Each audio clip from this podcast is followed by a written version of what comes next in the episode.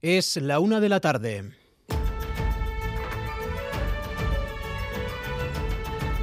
Crónica de Euskadi con Imanol Manterola.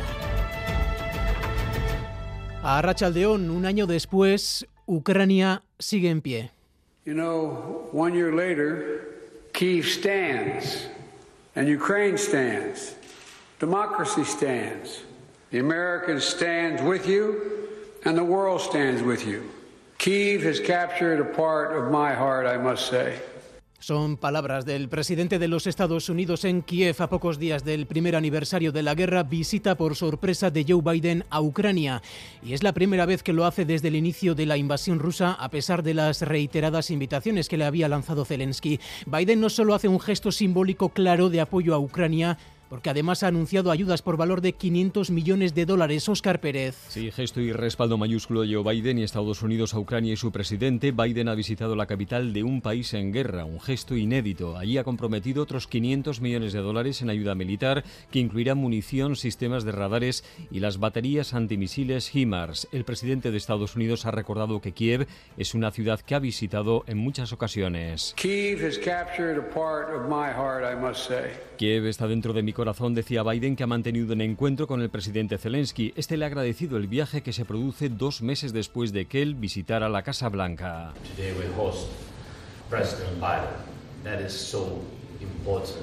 Hoy recibimos al presidente Biden en un gesto muy importante para nosotros, decía Zelensky. Junto a Biden, ambos participaban en un homenaje a los caídos en la guerra y mientras este se celebraba.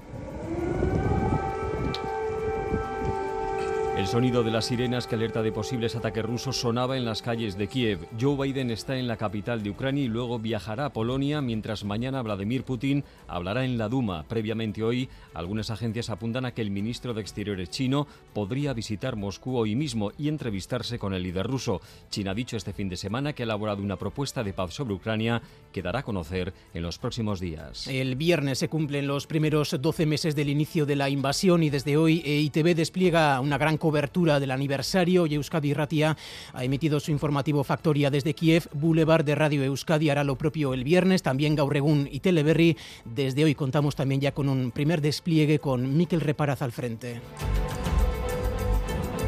Un año después, los efectos de la guerra llegan hasta nuestros bolsillos. A esta hora, el ministro de Agricultura debate con todos los eslabones de la cadena alimentaria cómo abordar la subida de los precios de los alimentos. Hay cierto consenso en que algo hay que hacer aunque desde el gobierno español insisten en que la vía es la que se ha seguido hasta ahora, entre otros, con la rebaja del IVA y Zarobaza. Sí, el ministro y los agentes de la cadena alimentaria llevan reunidos ya dos horas. Están analizando las últimas medidas que ha adoptado el Gobierno para contener el precio de los alimentos, haciendo especial hincapié en esa bajada del IVA. Luis Planas, además, pedirá a los representantes, sobre todo a los distribuidores, que arrimen el hombro, que hagan un esfuerzo extra. Sin embargo, para Unidas Podemos esto no es suficiente. Dicen los murados que los socialistas deberían dejar de rogar a los intermediarios y adoptar medidas para contener la subida de los precios de los alimentos. El cheque de 200 euros para familias con niños de entre 0 y 3 años ya tiene fecha. Mañana se aprueba en Consejo de Gobierno. ¿Cuándo y dónde se podrá solicitar Ander López Lerena? A partir del próximo miércoles, el miércoles de la semana que viene, 1 de marzo, esa será la fecha en la que se podrán solicitar las nuevas ayudas al Gobierno vasco destinadas a fomentar la natalidad. Con carácter retroactivo al 1 de enero, las ayudas se podrán pedir telemáticamente y a través de las delegaciones de Susenean, así como las oficinas de correos y en los ayuntamientos. Se trata de una ayuda universal que incluirá también, para el caso de familias numerosas, 100 euros adicionales hasta que los menores cumplan 7 años. Ayudas a las familias por un lado. Hoy además el Departamento de Desarrollo Económico ha presentado las ayudas para pequeñas y medianas empresas por valor de 600 millones de euros fundamentalmente dirigidas a Limas de Masi.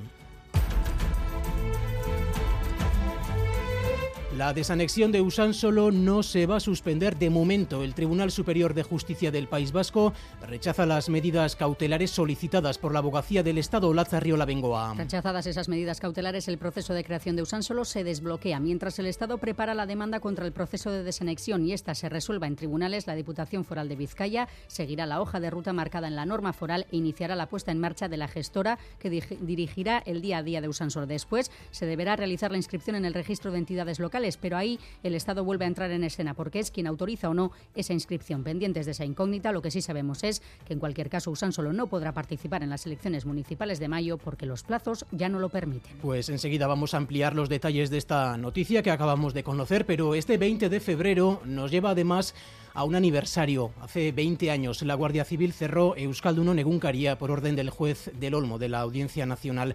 En esta crónica de Euskadi recordaremos aquellas primeras horas, los primeros días del cierre del único periódico editado íntegramente en euskera.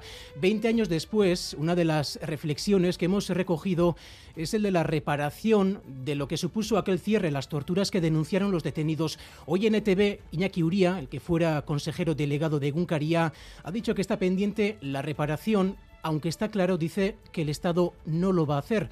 El delegado del gobierno, Denis Ichaso, considera que el Estado de Derecho supo reconocer los fallos, dice, que se cometieron entonces. estatuak ez du rekonozituko gaizki egin zula. Soluzioarekin modua zan, baita ere, erreparaziorik gabe bukatzeko. Horrelakorik ez du ingo.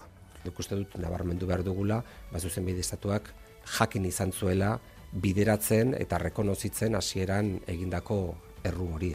En página cultural, el Museo Artium de Gasteiz presenta el último fondo documental incorporado a su centro de documentación. Se trata del legado del artista gasteiztarra Rafael Lafuente, cuya familia ha cedido una parte significativa de su archivo personal al museo. Parte de ese material se puede ver en la exposición que el museo dedica a Lafuente y que permanecerá abierta hasta el 14 de mayo. Anotaciones sobre su trabajo artístico, preparatorios o artículos de prensa son parte de ese material que el museo conservará y pondrá a disposición de los interesados mediante su centro de documentación, una información que ayuda a entender mejor el trabajo del artista. Elena Roseras es la responsable del centro de documentación del Museo Artium. Dibujos preparatorios, bocetos de diferentes proyectos, eh, artículos de prensa, fotografías, entre otros materiales. Es una información que nos ayuda mucho a comprender el trabajo del artista, a comprender su figura, su producción creativa y a contextualizar también eh, al artista en la época, en ese momento, en Vitoria-Gasteiz y en Euskadi. Vamos ahora con los titulares del deporte. Álvaro Fernández Cadierno, Arrachaldeón. Hola, Arrachaldeón. Los focos centrados en John Run. El de Barrica ha logrado la victoria esta madrugada en Los Ángeles en el de Genesis Invitational. Victoria que además de reportarle casi 4 millones de dólares, le ha devuelto a lo más alto, al número uno del mundo. De cara a hoy solo una cita deportiva. En el pareja se juega en Tolosa un intrascendente Jacaranguren ya eliminados ante los ya clasificados Altuna y Tolosa. Cielos despejados, luce el sol y el viento del sur ha hecho que las temperaturas suban, sobre todo en la vertiente cantábrica. Ahora se registran 18 grados en Bilbao, 14 en Donostia, 12 en Gasteiz y registramos 13 grados tanto en Iruña como en Bayona. En cuanto al tráfico, dos avisos. En la N1 en Andoain, sentido Donostia, han colisionado un camión y un turismo. Obras Públicas se encuentra limpiando la calzada. Además, en la Vizcaya 711 Erandio, sentido Guecho, un camión averiado ocupa un carril. Y recordamos que esta mañana en Iruña un conductor ha perdido la vida tras colisionar contra un bloque de viviendas en el barrio San Juan de Iruña, Miquel Donazar. La Policía Municipal investiga si ha sido un desvanecimiento u otra causa lo que ha llevado sobre las 8 de esta mañana a que un conductor falleciera tras empotrar su vehículo contra unos pilares de un edificio de la travesía Monasterio de Cilbeti de Pamplona, en el barrio de San Juan. Jesús Bariain, portavoz policial, destacaba la dureza del impacto. El accidente ha sido muy fuerte. Están investigando, lógicamente, las causas sin descartar ninguna hipótesis. Fin de semana con 15 accidentes registrados en la capital navarra, del que destaca también la detención de un conductor acusado de dos delitos, por conducción temeraria y estado de embriaguez, y que intentaba darse la fuga de la policía en su vehículo al que le faltaba la rueda trasera. Los hechos han ocurrido en esta ocasión en la calle Río Keiles del barrio de La Milagrosa. Bueno, además en Bilbao, las y los vecinos de la zona de Areiza y quienes hayan acudido al ambulatorio se habrán dado cuenta. A media mañana ha reventado una tubería de esta calle justo frente al centro de salud y por ello la zona se ha literalmente anegado. Según el ayuntamiento, se trata de un reventón fortuito.